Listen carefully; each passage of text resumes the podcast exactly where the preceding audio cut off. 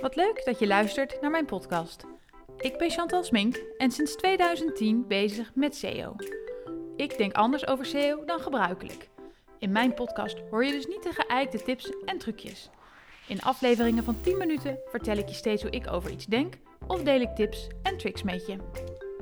Hey, wat leuk dat je er weer bent. We gaan het vandaag hebben over een onderwerp waar ik zelf altijd helemaal van aanga en heel enthousiast van word. En dat is namelijk um, nou, misschien herken je het wel. Je hebt content gemaakt, je hebt interviews afgenomen, kennis opgehaald, fantastische artikelen geschreven, online gezet, misschien zelfs wel doorgepubliceerd op LinkedIn. En dan ga je hoopvol zitten wachten. En dan zie je dat er helemaal niets gebeurt.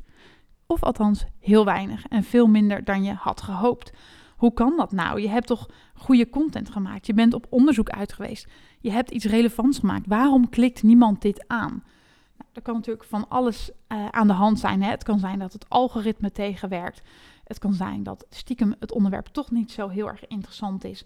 Maar waarschijnlijk ligt er één andere valkuil, moet ik zeggen, één andere valkuil op de loer. Een fout die ik eigenlijk iedereen zie maken die met content aan de slag is. Want voordat mensen je content gaan lezen, moeten ze eerst overgehaald zijn. Dat is eigenlijk altijd zo. Als ze op jouw website een ander stuk content zien, moeten ze eerst overgehaald zijn daarop te klikken. Als ze in SEO naar jou zoeken en je vinden, moeten ze overgehaald worden om op jouw resultaat te klikken. Als je op LinkedIn voorbij komt in een tijdlijn, moeten ze overgehaald worden om te klikken op meer weergeven en misschien zelfs wel naar jouw site. Dus het begint allemaal met een heel klein stukje daar vooraf. En ik denk dat dat de manier is waarop jij je content verkoopt, tussen aanhalingstekens. De manier waarop jij jouw content aanprijst en daar reclame voor maakt voor mensen om door te trekken, uh, klikken. En wat er vaak gebeurt is dat die manier waarop we dat doen totaal niet relevant is, niet interessant, niets belooft en niets brengt. En ik heb een aantal voorbeelden gemaakt van titels die ik veel voorbij zien komen. En daar heb ik het fictieve bedrijf Software Specs voor gemaakt. Dan kan ik ook niemand voor het hoofd stoten. En de zes titels die ik heb gemaakt um, zijn deze. Je kan ze ook nalezen op mijn site. Ik heb natuurlijk weer een blogartikel hierbij geschreven. Maar stel dat je dit soort titels hebt. Software Specs lanceert nieuwe HR-software. Of verzuim bijhouden. Je doet het in het HR Plus pakket van Software Specs. De volgende. Vijf redenen om je HR-software onder de loep te nemen. Of ontwikkelingen in HR-software. Of loonadministratie. Nu beschikbaar in HR-software van Software Specs. Of als laatste, Software Specs helpt de Jong Witgoed Services meer klanten te trekken. Nou, ik hoop dat je het al meteen hoort als je deze zes titels voorbij hoort komen. Um, er zijn er zeker vier waar niemand eigenlijk echt geïnteresseerd is. Het who cares effect. En dat komt omdat die titels gaan over jouw bedrijf, in dit geval Software Specs. Leuk dat jij nieuwe HR-software lanceert. Leuk dat je verzuim kan bijhouden in jullie pluspakket. Leuk dat loonadministratie beschikbaar is of dat jullie de jong witgoed hebben geholpen meer klanten te trekken. Maar de lezer zal dat echt een worst wezen. No one cares. En dat heeft er een beetje mee te maken Ehm, dat het voor hen, er zit niks in voor hen. Ik ga het nog niet helemaal weggeven, je moet nog even blijven luisteren. Er zit niks in voor hen, alleen maar voor jouw collega's of je ambassadeur of je moeder. Ehm, die zal heel blij worden van dit soort content. Van hey, wat goed gedaan, je hebt een nieuwe functionaliteit toegevoegd. En ik zeg ook niet dat je die content niet moet maken. Alleen moet je van die content nou niet verwachten dat mensen die geen band met jullie hebben, hierop aangaan. Dit soort dingen moet je lekker in je nieuwsbrief uitsturen naar klanten. Die worden daar heel blij van. Ehm, nieuwe klanten, uh, wat ik al zei, gaan daar niet van op aan. En dat heeft ermee te maken dat er gewoon veel te veel alternatieven zijn. Ik heb geen idee hoeveel uitingen eh, we voorbij zien komen. Ik heb het uh, geprobeerd terug te zoeken, maar kan geen recente data vinden. Maar denk maar eens terug aan hoeveel jij op LinkedIn voorbij ziet komen. Hoeveel uitingen, hoeveel posts, hoeveel bijdragen. Ehm, waarschijnlijk denk jij zelf ook van alles. Hm, niet interessant. Hm, niet interessant. Niet voor mij. Triggert niet. Prikkelt niet. Doet niks. Dus is het zo raar dat die content het niet doet? Nee, dat is heel erg logisch dat die content het niet doet.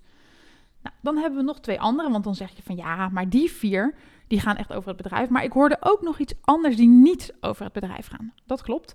Er zitten er twee bij die gaan wel degelijk over wat iemand interessant zou kunnen vinden, namelijk vijf redenen om je HR-software onder de loep te nemen en ontwikkelingen in HR-software.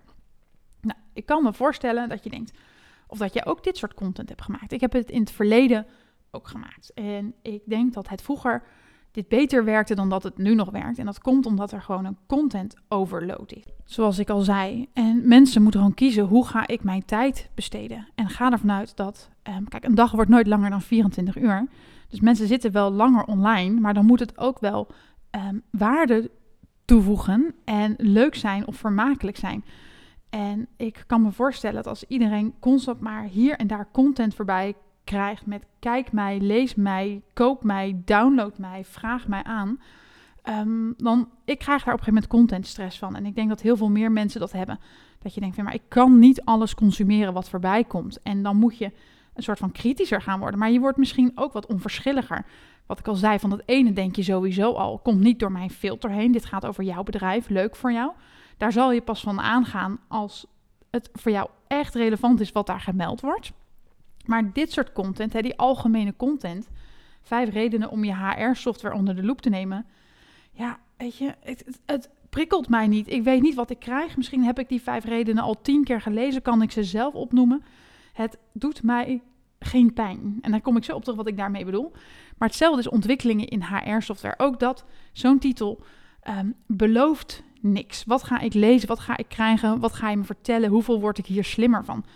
Um, waarschijnlijk denken mensen van ja, de ontwikkelingen weet ik wel, ik zit er bovenop.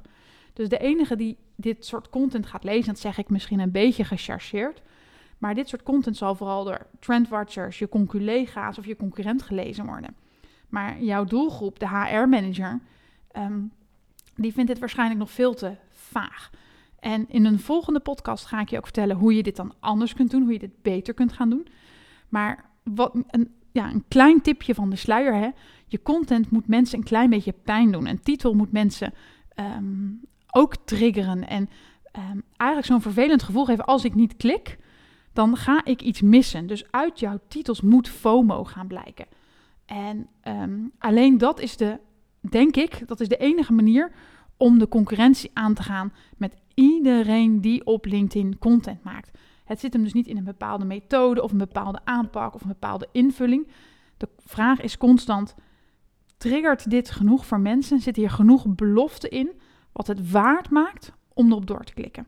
En heel veel titels die wij met z'n allen maken zijn niet interessant, niet relevant, beloven niks en geven niet aan wat de moeite van de klik dan waard is.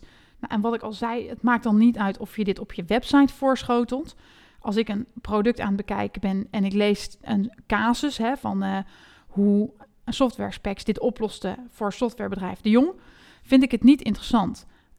Um, hoe blij softwarebedrijf De Jong is, vind ik ook niet interessant. Dat vind ik pas interessant als ik moet gaan kiezen of ik voor software specs ga of voor een ander bedrijf. Dan komt dat soort content, um, heeft dan een doel. Dus het is wat ik al zei, het is niet dat je het niet moet maken, maar je moet realistisch zijn over de kansen die dit soort content heeft. En ik heb het in een eerdere podcast, denk ik, ook al wel eens gedeeld over die klantcasus. Um, eigenlijk wil niemand echt jouw klantcasus lezen, maar mensen willen wel over hun eigen probleem lezen. En dat zit natuurlijk ook in die klantcasus. Nou, dit soort dingen ga ik dus in de volgende podcast op door. En omdat ze zo bij elkaar horen, um, kan je die ook nu al meteen beluisteren. Dus um, doe dat ook en dan hoop ik je heel veel inspiratie te hebben om betere content en voornamelijk heel veel betere titels te maken. Want zoals ik zei, daar begint het mee. Vind jij dit leuk en wil je meer van mijn content meekrijgen? Volg me dan op Instagram. Je vindt me onder Chantal Smink NL.